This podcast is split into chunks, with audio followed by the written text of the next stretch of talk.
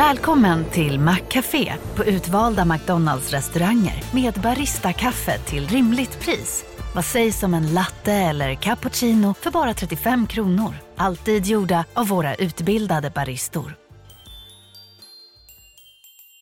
Hej, Susanne Axel här. När du gör som jag och listar dig på en av Krys vårdcentraler får du en fast läkarkontakt som kan din sjukdomshistoria.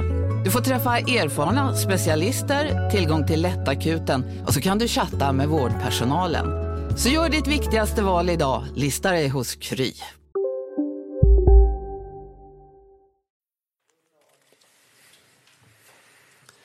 Sådär, välkomna till eh, den här pressträffen på Riksbanken eh, som sker med anledning av att vi idag har fattat, eller rättare sagt igår fattat ett räntebeslut.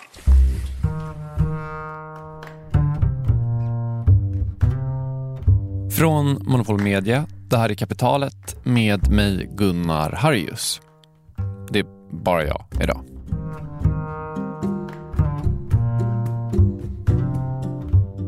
Det finns en historia om hur ränta och inflation fungerar. Det handlar om att det är Riksbankens jobb att dämpa inflationen genom att höja räntan. Och idag ska vi, kanske inte utmana den historien, men komplettera den lite grann. Visa att det finns fler kapitel till historien om räntan och inflation. Men vi börjar på Riksbanken. Det är jag, Erik Thedéen, jag är riksbankschef och till min sida har jag Jesper Hansson som är chef för avdelningen för penningpolitik. Vi båda kommer prata idag om beslutet och om en del av den data som ligger bakom beslutet. Det är där jag är, eller var, i torsdags när det var pressträff med anledning av räntebeskedet. Och det här var ju inte vilken pressträff som helst. Det var pressträff i svåra ekonomiska tider. Det var dessutom Erik Thedéens första pressträff som riksbankschef. Och jag var där för att ställa till en jävla scen. Skoja. Men jag var där för att fråga Erik Thedéen ett par saker om den här historien kan man väl säga. Om hur mycket det egentligen är hans ansvar att sänka inflationen. Men innan jag fick fråga det så flöt den här pressträffen på ungefär som pressträffar gör. Först säger Erik Thedéen några saker om det ekonomiska läget. Inflationen är idag alldeles för hög. Inflationen är kostsam. Den är kostsam för hushåll, den är kostsam för företag och den är kostsam för samhällsekonomin. Och sen höjer han räntan med 50 punkter. En halv procentenhet. Så en enig direktion fattade igår beslutet att höja styrräntan till no från 2,5 till 3 procent, alltså med 0,5 procentenheter. Och det är ju så här vi har lärt oss att det funkar. När vi har för hög inflation, då höjer vi räntan. Då får folk mindre pengar och inflationen kommer sjunka. Sen går det ett par månader vi går på en ny pressträff och sen börjar det om igen. Alla dessa räntebesked som kom och gick, inte visste jag att det var det som var livet. Men grejen är att tänk om det inte är så här. Tänk om det inte är en naturlag att så fort inflationen stiger så ska man vända sig till Riksbanken och höra vad de har gjort med räntan. I dagens Kapitalet ska vi prata om andra vapen som finns mot inflationen. Saker som inte är räntan. Vi ska prata om huruvida räntan är rakt av överskattad som inflationsbekämpning och dessutom ska vi prata med den nya riksbankschefen. Efter det här.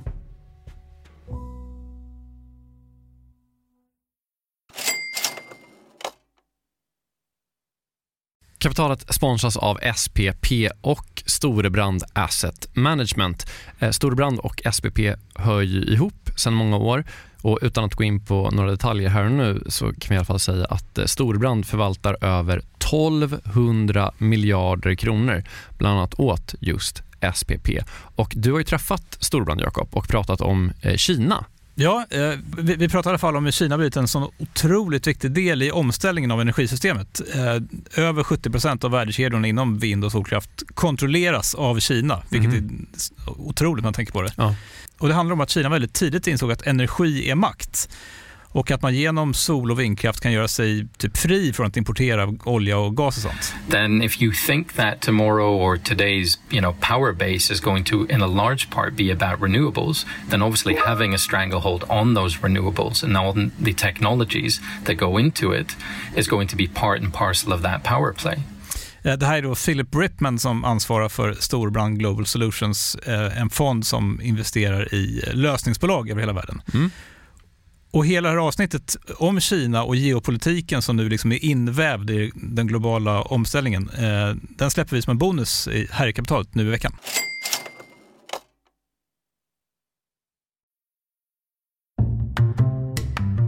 På en presskonferens som Riksbanken håller så har räntan stigit med 50 punkter. Och den har höjts för att inflationen är för hög. Erik Thedéen, riksbankschef, pratar på presskonferensen om att den svenska kronan är lite väl svag och att köpkraften har grävts ur med laserprecision av inflationen. Vilket väl strikt talat inte är sant. Inflationen slår ju lite olika och är trubbigt. Hur som helst. Sen då så har han pratat om räntan. Att räntan måste stiga. Och efteråt så frågade jag honom hur bra är det då med räntan? Nu har ju räntan höjts några gånger och inflationen stiger. Kan det kanske vara så att räntan är lite oprecis? Att det inte är laserprecision på räntan? Nej, men så här, räntan är ganska trubbigt inflationsbekämpningsmedel, men det är det vapen som så att säga, vi har att agera efter. Det slår ju hårt på vissa hushåll, på vissa företag och mindre på andra. Eh, det vi kan se idag, om man ska försöka hitta konkreta, i någon mening tror jag alla påverkas av att vi höjer räntan. Men det är ju tydligt att konsumenterna har ett lägre konsumentförtroende, det vill säga de känner mindre framtidstro.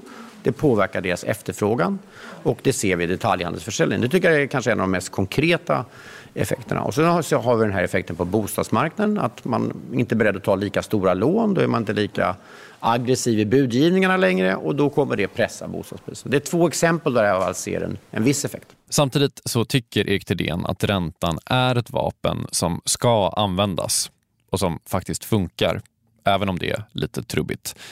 Och Det håller väl i princip alla med om. Räntan funkar.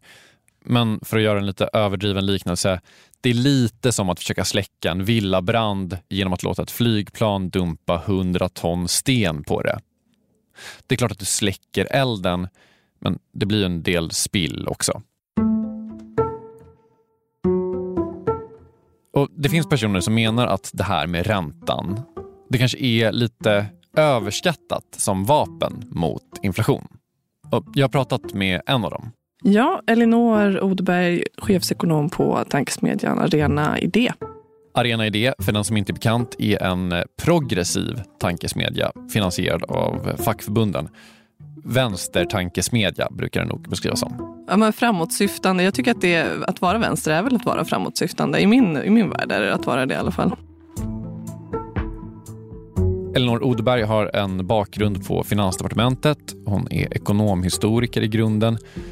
Hur som helst, Riksbanken och räntan. Jag tror inte att det är överdrivet att säga att det lite finns en bild av att Riksbanken är typ som ett specialistsjukhus och att det här sjukhuset är det enda som kan lösa viruset som är inflationen. Men så har det inte alltid varit. Det har ju blivit den bild som har satt sig under de senaste tre decennierna. Eh, fram, från 90-talskrisen egentligen då man separerade penningpolitiken och finanspolitiken och gav Riksbanken det här oberoende mandatet att hantera inflationen. Framförallt genom räntevapnet då att sänka eller höja räntan beroende på om inflationen är hög eller låg. Så här, det finns ju finanspolitik, alltså skatter och bidrag och sånt som finansministern håller på med. Och så finns det penningpolitik ränta och köpa obligationer och sånt som Riksbanken håller på med. Och man har då lagt inflationsbekämpning primärt under penningpolitik. och som har bestämt sig för att penningpolitik, dess namn till trots, inte är politiskt på samma sätt som finanspolitik är. Det får inte vara politiskt. Och på ett sätt så finns det ju en jättestor rimlighet i det här. Det skulle ju i teorin kunna bli rätt stökigt ifall man får en galen minister som säger åt sin centralbank att trycka hur mycket pengar som helst för att finansiera allt hela tiden, trots att vi har hur mycket inflation som helst.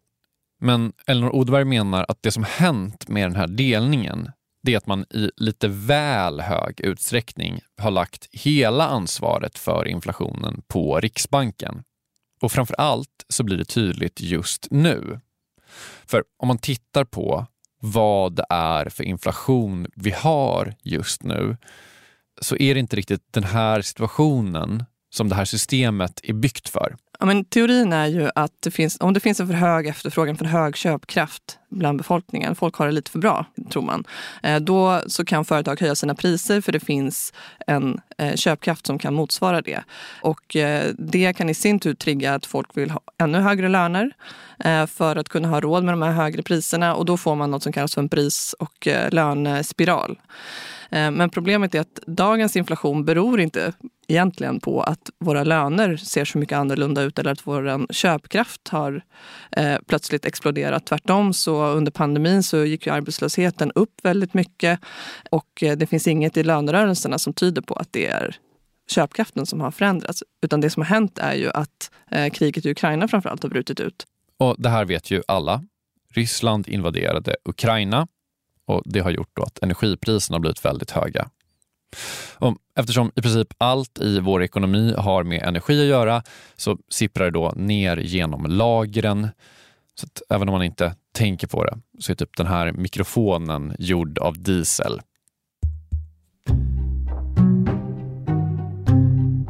Och det är ju inte så att om Erik Thedéen höjer räntan så kommer det magiskt produceras mer energi. Det tror inte Riksbanken heller, ska vara väldigt, väldigt tydliga med. Utan det som händer när man höjer räntan, det är då att typ jag får högre bolånekostnader. Och därför har jag inte råd att köpa lika mycket grejer som jag kunde förut. Så min köpkraft minskar.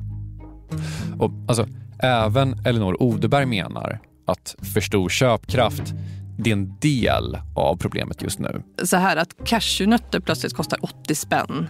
Gör det? Ja men typ i liksom, eh, Stockholms innerstad. Det, det, är klart att det också beror på att det finns folk som fortfarande köper cashewnötter för 80 spänn. Alltså det, det är klart att det finns en efterfrågedel i inflationen. Det går inte att sticka under stol med. Liksom. Men det här är bara ena sidan av det här. Efterfrågan. Den andra sidan, problemen med utbudet som väl är den största delen av det här problemet, det kommer man ju inte till bukt med. Och det här har Elinor Odeberg, och många andra också, förslag på vad man kan göra åt. Ett sätt att hantera det är förstås att eh, försöka hitta andra källor till energi, vilket man jobbar med jättestarkt. LNG-gas som importerar man nu istället från USA.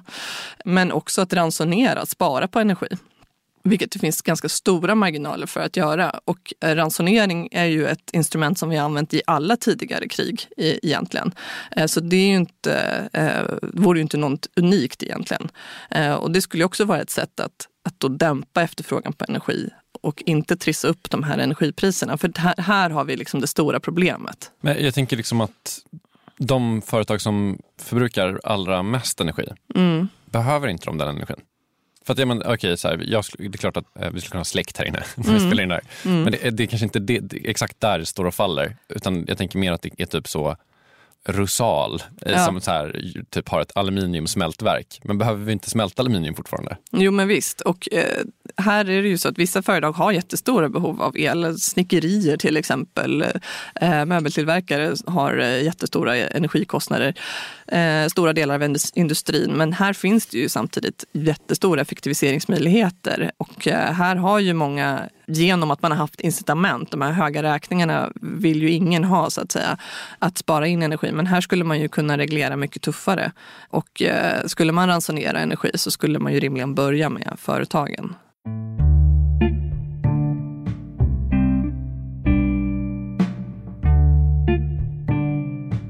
Men, precis som alla vet, det är inte så att de här höga energikostnaderna kommer rakt av från att vi konsumerar för mycket och att ransonering därför är den ultimata lösningen, även om det såklart kan vara en del av en lösning. Men enligt Elinor Odeberg så finns det en annan del av det här problemet med energikostnaderna som handlar om vinster till exempel Konjunkturinstitutet gjorde en granskning då av de här prisökningarna som har varit. De fick ett uppdrag att titta på om det var så att eh, priserna höjdes omotiverat mycket. Att företag försökte sko sig på den här eh, inflationen. De kom ju fram till då att företagen inte hade höjt sina priser mer än motiverat. Men det baserade de på att marginalerna inte hade förändrats så mycket i många av de sektorer som de tittade på. Och det visar ju på att alla företag, eller stor del av företagen, har vältrat över alla sina kostnadsökningar på konsumenten. Man har alltså inte kompromissat i sina, med sina vinster eller sina marginaler för att kunna hålla priserna i schack. Utan alla högre elräkningar, alla högre transportkostnader har direkt översatts i högre priser gentemot konsumenten.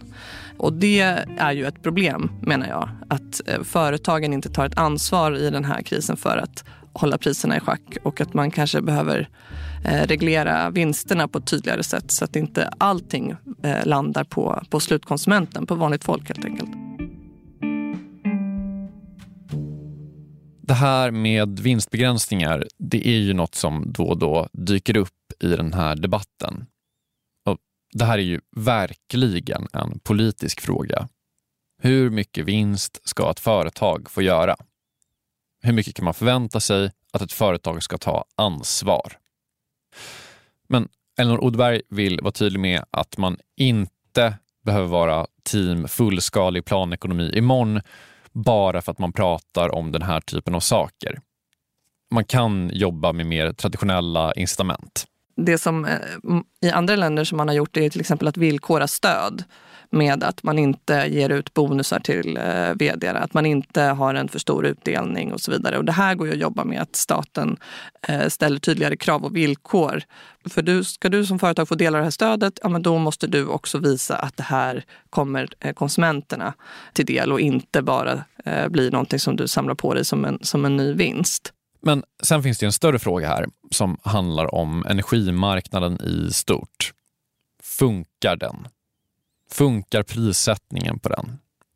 För som alla fått lära sig den här vintern så är det ju oftast inte så att vi har brist på el i Sverige. Tvärtom så exporterar vi oftast el. Men det finns prissättningsmekanismer på den större europeiska marknaden som påverkar oss. Och om man då tittar strikt på inflationen i Sverige så skulle det ju kunna vara en lösning att gå ur det här systemet vi får billigare el, inflationen faller. Men Elinor Odberg tror kanske inte supermycket på den här lösningen. Nej, men det har ju lyfts eh, att vi skulle ha Sverigepriser, att vi skulle separera prissättningen på el eh, från den europeiska marknaden. Att Sverige har egentligen ett överskott på el. Vårt problem är att då framförallt Tyskland som har här, haft det här beroendet av rysk gas, deras höga priser smittar av sig på våra. Och det är klart att det eh, skulle kunna vara ett sätt. Spanien har gjort det, ehm, separerat priserna på det sättet. Och jag tror att det skulle kunna vara en en modell men det kommer inte åt egentligen grundproblemet som är att det är brist på energi och det är bristen som gör att priserna blir högre. Så man måste hitta liksom en solidarisk modell för att hantera den här bristen. Eh, och då är ju att spara energi eller att ransonera energi en bättre modell tror jag. Givet att eh, alla ska kunna fortfarande leva ett schysst liv och kunna ha Eh, varma hus så att det inte blir jättekallt i något land och eh, jättenegativa ekonomiska effekter. Okej, för att summera lite då. Vi har inflation och räntan kommer inte riktigt åt grundproblemet med inflationen. Istället menar Elinor Odeberg bör man titta på andra lösningar. Ransonering, som vi i viss mån håller på med naturligt, vinstbegränsningar eller kanske snarare villkorade stöd och bidrag till företag och kanske också en mer generell reform av den europeiska energimarknaden. Men det finns också andra saker som man kan göra för att dämpa inflationen, inte bara här och nu utan faktiskt förbereda oss på den på sikt. Vad vi kan göra för att undvika den här typen av kriser i framtiden och om riksbankschefen tycker att vi alla anstränger oss tillräckligt efter det här.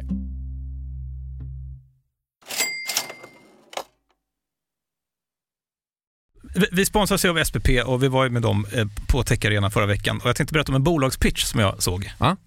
Det dyker upp en italiensk eh, tjej på scen som heter eh, Eleonora Cavani, en för detta bioingenjör och konsult som kommer på att bakteriekulturen i magen är en källa till en massa problem för folk. Eh, och att det liksom börjar tidigt i livet. I have a lot of allergies and I have eczema and I've been through a lot uh, trying to change my diet and my lifestyle to really reduce my symptoms which I managed to do and uh, once I learned more about the microbiome it, it really shocked me to find out that we know that some gut microbiome imbalances in early life are linked to chronic diseases for the rest of life so I thought wow how strange that we know so many things and we're not really using them in real life. So I, I, felt like I had to do something.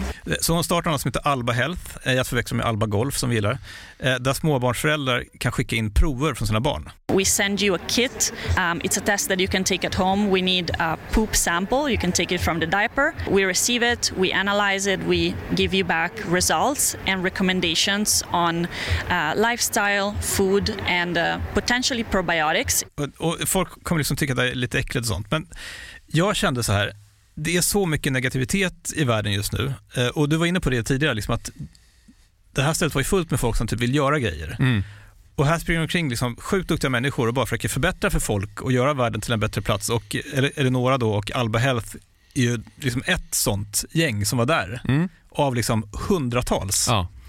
Eh, och det gjorde mig glad faktiskt. Ja, nej, det, jag tycker det lät toppen och grejen är också att sådana här idéer och projekt som förbättrar samhället över tid, de tar tid eh, och behöver liksom långsiktigt kapital. Och då kan ju vi genom pensionerna göra stor skillnad. Jag ska säga att SPP har ingenting med Alba Health att göra. Jag, hittade henne bara, jag tyckte hon var duktig. Caset finns ju och det är väl den här typen av saker som kan ta väldigt lång tid, där pensioner verkligen kan göra skillnad och där liksom pensionernas roll i ekonomin kan bli extra tydlig. Och den kopplingen tänker man inte på så, så ofta. Nej, men eh, med den kopplingen in mind så säger vi tack till SPP som gör oss medvetna om pensionernas roll i ekonomin och herregud i vår privatekonomi också. Precis, tack. Tack.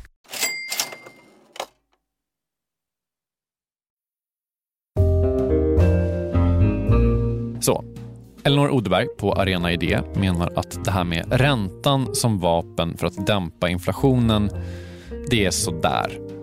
Eller, det funkar, men det slår ojämnt och trubbigt och ibland fel. Vi borde också, tycker hon, titta på andra saker som kan dämpa inflationen. Det är inte så att inflationen bara är Riksbankens fråga. Istället borde man titta på vinstbegränsningar eller villkorade stöd och bidrag. Man borde kolla på ransonering och man skulle också kunna se över hela energimarknadens uppbyggnad. Och Det här är ju i någon mån politiska förslag såklart. Men det mesta av det här är förslag som skulle kunna hjälpa lite mer här och nu. Saker som villkorade stöd och bidrag skulle väl troligtvis vara tidsbegränsat. Men Elinor Odberg menar att det också är så att vi kan förbereda oss på det här också på lång sikt. Vi kan undvika framtida såna här kriser. På, på 70-talet så fanns det till exempel fortfarande ett stort oljeberoende i Sverige. Och då när det var oljekris då, alltså vilket ju liknar den här situationen, då gjorde man ju samtidigt ett jättekrafttag för att bygga ut fjärrvärmen till exempel. Och det ska vi ju vara väldigt glada för nu. På samma sätt så borde, behöver man ju ha en liknande strategi för att få bort i grunden det här beroendet av fossila bränslen. För att det är ju inte bara krig som gör oss sårbara eh, utan det är även klimatförändringar som gör oss sårbara. Eh, och att då ställa om till eh, mer hållbara energikällor det tjänar ju både oss säkerhetspolitiskt, det tjänar oss eh, ekonomiskt och det vore bra för, för klimatet. Och de kan man inte pausa nu, för nu finns det också en idé om att finanspolitiken ska vara stram och tillbakahållen för att inte spä på inflationen. Tvärtom så vore det ju förödande om staten nu pausade viktiga investeringar. Än en gång, det här är såklart politiska förslag. Men det är också det som lite är Elinor Odebergs poäng här. Vi kan inte avpolitisera frågan om hur vi ska lösa inflationen. Det är inte så att Riksbanken är den neutrala myndigheten som av naturen har monopol på den här frågan. Och bilden av att det skulle vara så säger också någonting om var vi har hamnat i frågor om penningpolitik. Nej, men det säger väl något om hur avpolitiserad inflationsbekämpning i någon mening har blivit genom den här Eh, separationen mellan finans och penningpolitik och Riksbankens oberoende. Och någonstans så, det har varit köpfest för stora delar av medelklassen. Inflationen har varit låg. Det har inte funnits skäl att liksom ifrågasätta det här förhållandet. Nu är plötsligt inflationen jättehög. Eh, Riksbanken höjer räntan. Inflationen fortsätter vara hög. Eh, då tror jag att folk till slut kommer börja ifrågasätta varför den här institutionen ska ha det här oberoendet och in, eh, att det inte finns en demokratisk insyn i de här vägvalen som Riksbanken står inför. Men okej, hur ser då Riksbanken på allt det här? Erik Thedéen menar först och främst att han inte tycker att finanspolitiken i alla fall står i vägen för deras jobb att trycka ner inflationen. Han vill, eh, föga förvånande, inte uttala sig exakt om några specifika finanspolitiska förslag och hur de skulle kunna hjälpa eller hindra honom. Men han är med på att energimarknaden såklart spelar in här. Jag såg någon beskriva det som att eh, man krossar hushållens köpkraft för att man inte kan, man bedömer det som enklare än att reglera energimarknaden. Det är inte så det är. Liksom. Nej, men det är ju, eh, så är det ju då inte när du tycker så. Men man kan ta eh, del delar av det resonemanget. Det är klart att ju bättre marknader fungerar, ju mindre störningar det blir på utbudet. Det kan vara supertanker som, som fastnar i Suezkanalen eller containerhamnar i Kina som inte fungerar eller för den delen det här förfärliga kriget i Ukraina som har drivit upp energipriserna. Det påverkar inflationsimpulserna. Så att kan vi eh, få bra utbud och en effektiv, eh, så att säga, effektivitet i leveranskedjor, då minskar det inflationsriskerna. Mm. Så att, eh, men jag vill inte komma till exakt vilken energimarknad vi ska ha i Sverige eller internationellt, men det finns en koppling här mellan hur saker fungerar och vad det ger för priser in till Sverige. Det är helt klart så. Ju bättre det funkar, desto bättre alltså. Men Erik Thedéen håller också med om att just han kanske inte kan göra så himla mycket för att få det att funka bättre. Kan man inte känna en viss liksom, maktlöshet inför den typen av yttre faktorer som egentligen det här systemet kanske inte riktigt är byggt för att hantera? Nej, men så är det. Om vi tittar på den eh, politik vi för så är den relativt eff effektiv mot inhemsk efterfrågan och därmed inhemskt drivna prisökningar. Det är väldigt ineffektivt att påverka internationella energipriser. Vi har i princip noll påverkan på det. Så det kan man väl kanske känna, frustration över. Det är så att säga det jobbet vi har att göra och då får man ta det som, som, som, som givet. Men jag håller med i den meningen att det vore bra om fler marknader fungerade bättre för det skulle minska risken för inflation. Men det är ju någon slags generellt uttalande. Just det. Det, det, är liksom, det, är inte så att du känner att här sitter ni på Brunkebergstorg och gör allt ni kan och ingen annan gör något? Liksom.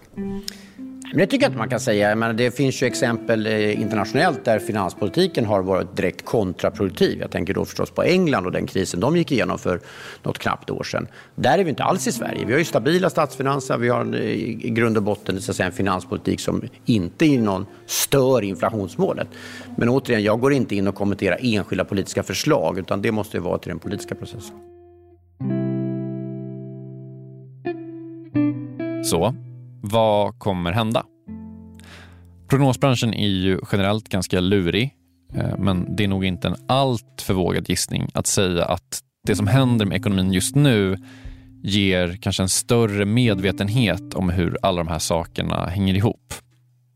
Och Elinor Odeberg tror att det kommer leda till att man slutar se Riksbanken som den aktör som har hundraprocentigt monopol på inflation och inflationsbekämpning. Och det tror jag egentligen vore bra för att eh, det handlar inte bara om inflationsbekämpning. Eh, Riksbanken behövs eh, för eh, bostadsbyggande. Efter krigstiden hade vi till exempel lägre räntor riktat mot bostadsbyggande för att man tyckte att det var politiskt önskvärt att bygga bostäder. Nu har man inte den typen av politisk styrning eh, av penningpolitiken och det, det gör ju att vi hamnar i händerna på att direktionen tycker att det är önskvärt med klimatinvesteringar och bostadsbyggande och eh, det är inte deras uppdrag att att att eh, tillgodose den typen av mål utan deras uppdrag är att se till prisstabilitet. Elinor Odberg är chefsekonom på vänstertankesmedjan Arena Idé. Erik Thedéen är eh, riksbankschef. Jag som gjort det här heter Gunnar Harjus. Jakob Forssell är ansvarig utgivare och Kristoffer Krook har mixat. Vi är tillbaka igen om en vecka. Hej då!